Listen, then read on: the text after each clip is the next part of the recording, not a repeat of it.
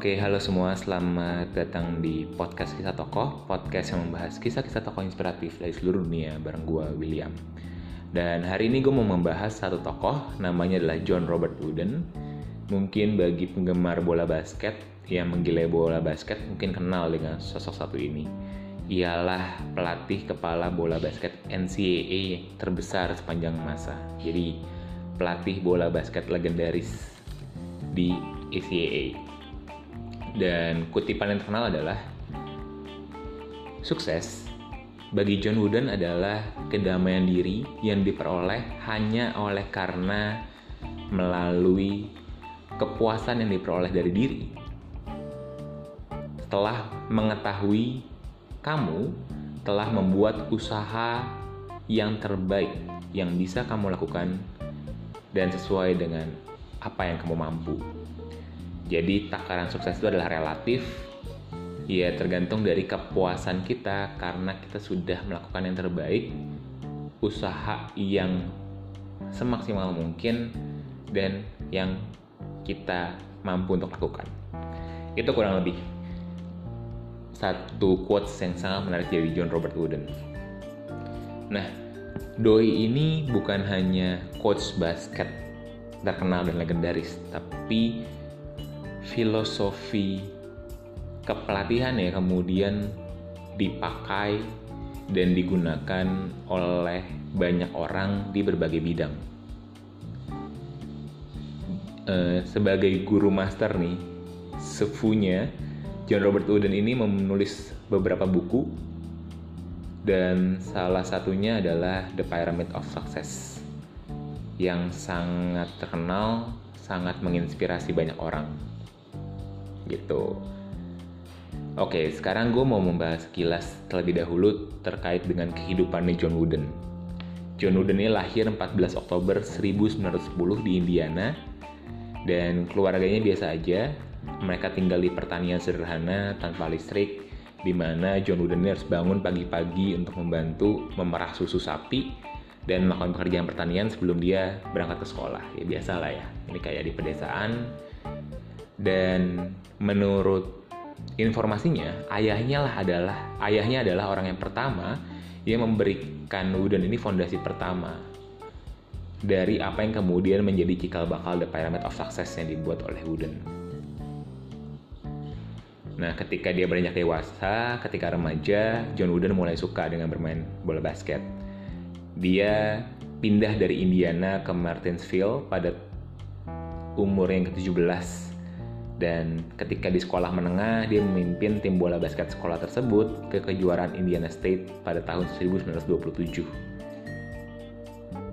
dan selanjutnya ketika di universitas dia memilih Universitas Purdue dan kemudian menjadi guard di sana tahun 1928 sampai 1932 dan dia sangat berbakat sehingga mendapatkan tiga pilihan. Untuk All American juga terpilih sebagai pemain bola basket terbaik kayaknya di perguruan tinggi tahun itu. Dia juga terpilih sebagai kapten tim ketika dia masih junior dan bahkan lulus Purdue itu dengan gelar bahasa Inggris. Jadi tidak hanya punya kemampuan dalam basket tapi juga punya kemampuan um, dalam bidang akademis ya. Nah di ketika dia jadi pemain ya tadi ada tiga kali konsensus All American, dapat Helms Player of the Year, dapat MBL Scoring Leader, dapat All NBL First Team. Jadi memang sebagai pemain aja dia udah jago gitu ketika masa mudanya. Dan yang menarik, ketika usianya baru 23 tahun, dia sudah memutuskan untuk um, melatih beberapa um, sekolah di bidang olahraga. Jadi pada saat usia 23 tahun, John Wooden memilih Dayton High School untuk menjadi tempatnya mengajar bahasa Inggris dan juga melatih sekolah menengah tersebut. Kemudian di tahun berikutnya dia memutuskan untuk melatih South Bend Central High School. Jadi pengalaman-pengalaman pertama yang dia peroleh itu adalah melatih uh, sekolah menengah ya dari tahun 1933 sampai 1944. Kurang lebih dari umur 23 sampai umur 34 tahun. Nah, sebagai seorang guru, Wooden ini sudah punya nilai-nilai nih yang dia tanamkan ke dalam benak anak muridnya. Bahwa keberhasilan akademis lebih dari sekedar nilai, Dan sebagai coach, Wooden mengajari para pemainnya bahwa kemenangan lebih dari sekedar angka di papan skor. Dan dia juga sangat memperhatikan para atlet atau anak-anak yang dipimpinnya dan mendorong mereka untuk menjadi pemenang. Tidak hanya di lapangan saja, tapi juga di luar lapangan. Jadi attitude itu menjadi satu hal yang sangat krusial bagi Wooden. Dan untuk menginspirasi siswa dan pemimpinnya, pemainnya sorry, untuk menginspirasi siswa dan pemainnya agar bekerja lebih keras lagi, akhirnya dia mulai mengembangkan prinsip model The Pyramid of Success tadi. Selama berada di South Bend uh, Central High School, gitu. Nah, pada tahun 1942, Wood ini sempat menjadi letnan angkatan laut selama Perang Dunia II, karena waktu itu kan lagi Perang Dunia II, dan tak berserang lama dia kembali ke dunia bola basket. Lalu pada tahun 1946 lah mulai nih hmm, Wood merambah ke dunia bola basket universitas sebagai coach. Pada tahun 1946, dia melatih bola basket di Indiana State College dan punya rekor yang sangat meng, e, mengagumkan 44 kali kemenangan dan 15 kali kekalahan selama dua musim dan memperoleh gelar Indiana College Conference berturut-turut. Jadi dua musim dia di sana dia memperoleh gelar dua-duanya. Dia juga melatih bisbol dan menjabat sebagai direktur atletik. Keren banget ya. Dan dia juga jadi master di dalam bahasa Inggris. Jadi kayaknya dia kuliah lagi juga tuh. Jadi memang haus untuk belajar haus untuk berprestasi nih John Wooden. Dan pada tahun 1947 sebenarnya timnya itu diundang ke National Association of Intercollege Basketball NIIB National Tournament di Kansas City Indiana State ini tapi ia menolak undangan tersebut karena NIIB melarang pemain Afrika Amerika untuk bermain jadi masih ada isu rasisme di sana dan John Wooden um, tidak setuju penolakannya adalah dengan tidak ikut serta dalam undangan tersebut. Nah, long story short, tahun 48 lah dia pindah ke UCLA. Inilah tempat di mana kemudian John Wooden menjadi legenda pelatih bola basket uh, universitas di Amerika. Dia mulai tahun 48 di sana dikala UCLA ini masih punya fasilitas yang sangat-sangat jauh di bawah standar. Hmm, bukan tim bola basket lah ini ya bukan tim yang memang fokus ke bola basket lah. Tapi Wooden berfokus untuk memberikan um, disiplin positif kepada timnya untuk menjadi kontender yang hebat bagi para para pesaingnya dan uh, tidak mudah kayaknya karena dari tahun 48 ketika dia join prestasi pertama yang akhirnya diperoleh, prestasi besar pertama yang diperoleh itu tahun 64. Jadi memang butuh waktu sekitar 15 tahun untuk UCLA ini bisa berkembang. Mungkin ada kejuaraan-kejuaraan kecil yang dia peroleh, tapi uh, untuk menang di NCAA itu masih jauh waktu itu karena memang prosesnya sangat panjang. Ada lebih dari 68 tim kalau nggak salah yang yang join di sana untuk memperebutkan juara. Jadi memang sangat berat. Nah, mulai tahun 64 inilah John Wooden uh, mulai menjadi legenda nih. Jadi selama tahun 64 sampai 75 itu 12 tahun UCLA memenangkan 10 gelar juara NCAA. 12 tahun 10 gelar, cuma dua kali direbut oleh tim lain. Dan 7 di antaranya dilakukan berturut-turut. Tahun 67 sampai 73 gila banget ya. Yang lebih mencengangkan lagi juga ada kalau nggak salah tiga tiga kali ya. Tiga kali hmm, kejuaraan di mana mereka menang dengan skor sempurna 30-0 dan sempat juga punya rekor kemenangan beruntun 88 kali di UCLA gitu. Yang dia gagal cuma di tahun um, 1966 dan di tahun 1974 saja. Sisanya disapu bersih. Hingga akhirnya tahun 75 itu penghargaan terakhir dari kejuaraan NCAA di mana UCLA kemudian menjadi juara dan John Wooden akhirnya memilih untuk uh, retire untuk pensiun setelah pengabdiannya selama 27-28 tahun di UCLA Nah, yang menarik nih buat gue, jadi setelah itu, setelah John Wooden tidak lagi melatih UCLA, ini UCLA jadi katrol banget. cuma menang satu kali kejuaraan NCAA itu dari tahun 75 sampai sekarang. Jadi bayangin, John Wooden um, dalam 12 tahun itu menang 10 kali, tapi setelahnya dalam 25 tahun sejak John Wooden retired sampai sekarang itu UCLA cuma menang satu kali. Jadi dampak magis dari John Wooden memang sangat dirasakan. Dan gak usah heran, John Wooden punya banyak sekali gelar sebagai coach dan dijuluki juga The Wizard of Westwood. Mengakhiri karir kepelatihannya jadi selama oh totalnya 29 tahun dengan rekor 664 kemenangan dan 162 kekalahan dan presentase kemenangannya adalah 80,4 persen. Waktu itu juga yang menarik uh, Westwood ini ya bekerja sama dengan Kareem Abdul-Jabbar yang kemudian menjadi legenda bola basket juga di NBA. Nah sekarang gue mau jelasin sekilas nih tentang apa sih yang bisa kita pelajari dari John Wooden. Jadi ada beberapa uh, filosofi pembelajaran dalam dan luar lapangan yang dibagikan oleh Wooden kepada murid-muridnya. Yang pertama adalah lu semua harus kembali kembalikan lagi um, pikiran lu kepada arti sukses. Dan lakukan pendekatan sederhana untuk menjalani kehidupan yang lebih bermakna dan bermanfaat. Dan yang kedua, berlatih punya wawasan gitu yang ketiga ini ya ini normal lah ya. Lu harus melawan filosofi eh, kayak filosofi apa ya? Sindrom yang lu peroleh karena lu sudah menjadi orang yang besar. Karena lu sudah menjadi orang sukses. Nggak boleh itu. Lu harus tetap melakukan hal-hal sederhana. Lalu juga fokus kepada pengendalian diri disiplin itu jadi kuncinya karena sang juara itu hanya diperoleh dengan kedisiplinan dan kerendahan hati serta terakhir kepercayaan diri. Jadi intinya adalah kunci sukses bagi Wooden itu sangat sederhana. Do the best. Fokus pada yang bisa lo kendalikan dan tidak perlu fokus pada hal-hal atau variabel-variabel sekunder yang tidak bisa lo kendalikan.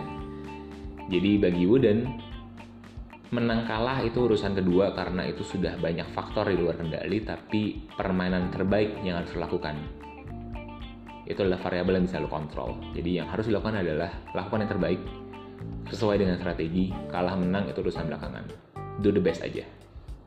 Sederhana tapi itulah filosofi yang mengantarkan Wooden menjadi pelatih legendaris dengan kemenangan 10 kejuaraan nasional dalam 12 tahun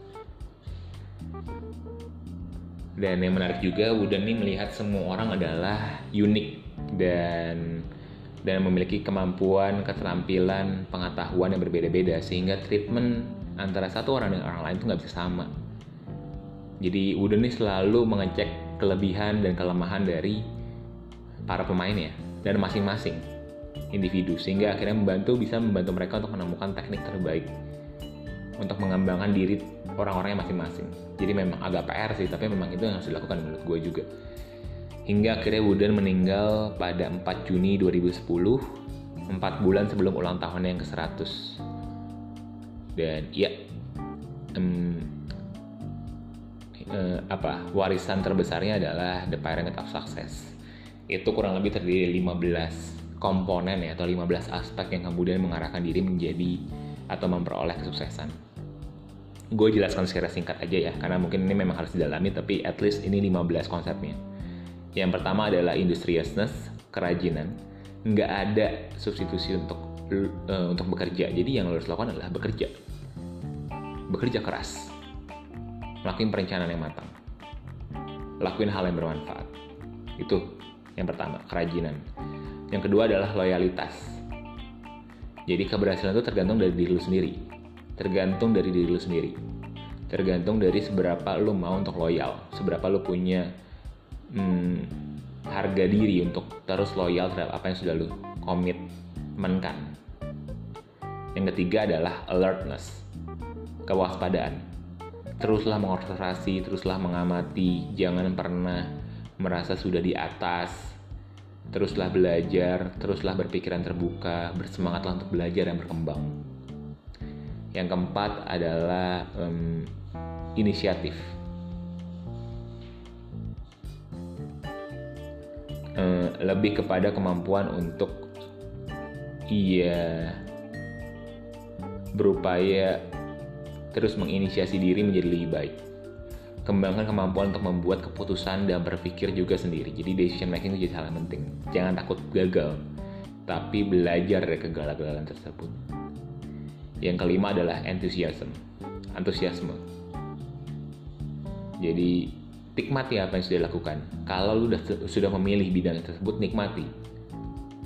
Kasih sikap antusias lu ke dalamnya sehingga akhirnya lo bisa uh, bekerja atau beraktivitas atau berkegiatan secara lebih optimal. Yang keenam adalah self control. Praktekkan disiplin dari tadi ya. John Wooden sangat tegas orangnya, jadi sangat disiplin dan kendalikan emosi lo. Um, assessment dan juga akal sehat itu jadi satu hal yang sangat penting. Jadi tetap rasio logika itu juga harus dipakai. Yang ketujuh adalah friendship saling menghargai teman, menghormati, dan friendship ini nggak diterima begitu aja, tapi friendship ini butuh proses dan membutuhkan upaya bersama untuk akhirnya terbangun nih eh, rasa persahabatannya sehingga akhirnya ya kalau misalkan udah di lapangan timnya bisa bekerja secara optimal sebagai tim sebagai roda yang saling menopang satu sama lainnya gitu. Yang ke-8 adalah cooperation kerjasama dengan semua level rekan kerja Anda, nggak cuma partner atau Anda atau dengan dengan CEO Anda misalkan, tapi juga dengan semua orang. Dengarkan jika lu ingin didengarkan. Jadi listen to them sebelum lu ingin mereka mendengarkan Anda. Mereka mendengarkan lu. Dan ke kesembilan adalah niat. Tunjukkan atau tetapkan tujuan yang realistis, yang smart, spesifik, dapat diukur, um, dapat dicapai, realistis sama ada ada waktunya, ada jangka waktunya, konsentrasi untuk mencapainya dengan menahan semua godaan yang ada dan bertekad serta gigih. Jadi baik lagi komitmen ya niat ini. ke sepuluh adalah kepercayaan, bangun trust. Itu jadi sesuatu yang penting kita tetap harus menghormati orang lain, tapi kita tidak boleh takut pada orang lain. Kita harus bangun trust dengan cara melakukan persiapan yang matang dan menjaga semua hal yang terbangun dengan perspektif yang benar. Jadi jaga hubungan baik, jaga kepercayaan dengan orang lain. Jangan dirusak. Yang ke-11, ini mutlak skills atau keterampilan. Asah terus keterampilanmu, belajar terus, eh, kembangkan terus, dan pelan-pelan tutupi tutupi tutupi hal-hal yang tidak atau yang kurang kamu bisa sehingga akhirnya lu bisa semakin baik dan semakin baik lagi. Ke-13 adalah sorry, ke ke-12 ya sekarang. Gue lupa sih keberapa. Intinya masih ada empat lagi nih. Selanjutnya adalah semangat tim. Bangun um, hal yang tulus kepada orang lain, bangun jiwa untuk berkorban demi kepentingan kelompok demi kesejahteraan semua bukan untuk diri lu pribadi gitu. lalu selanjutnya adalah keseimbangan bersikap tenang menjadi diri sendiri lu harus nyaman dengan situasi apa pun dan jangan pernah melawan diri lu sendiri jadi kayak let it flow lah keempat adalah kondisi lu harus baik mental moral fisik istirahat olahraga diet dan terakhir adalah memiliki jiwa kompetitif. Lu bisa jadi yang terbaik kalau lu mengalahkan yang terbaik. Lu bisa jadi yang terbaik kalau lu mau berkompetisi untuk berjuang menjadi yang terbaik. Nikmati tantangan-tantangan yang sulit untuk bisa membuat diri lu menjadi lebih berkembang dan lebih berkembang lagi. Itu kurang lebih 15 kunci kesuksesan dari Wooden yang ya sekarang ini 15 ini ya jadi fondasi utama memangnya yang menurut gue memang harus dilakukan untuk menjadi untuk memperoleh kesuksesan. Yang baik lagi kesuksesan itu adalah tergantung dari uh, diri lu sendiri. Lu harus sadar di mana kemampuan lu, lu harus sadar uh, apa yang bisa lo lakukan secara baik, secara maksimal, dan setelah lu melakukannya, lu bisa sadar juga bahwa inilah yang bisa gue lakukan dan ketenangan diri, peace of mind ini muncul sehingga pada akhirnya itu adalah kesuksesan yang bisa lo peroleh dari sana. gitu Oke, sekian aja kayaknya hmm, tentang John Robert Wooden. Semoga teman-teman semua bisa dapat gambaran tentang sosok ini dan juga pembelajaran dari The Pyramid of Success yang kemudian beliau buat. Oke, kalau gitu gue William, see you in the next episode. Goodbye.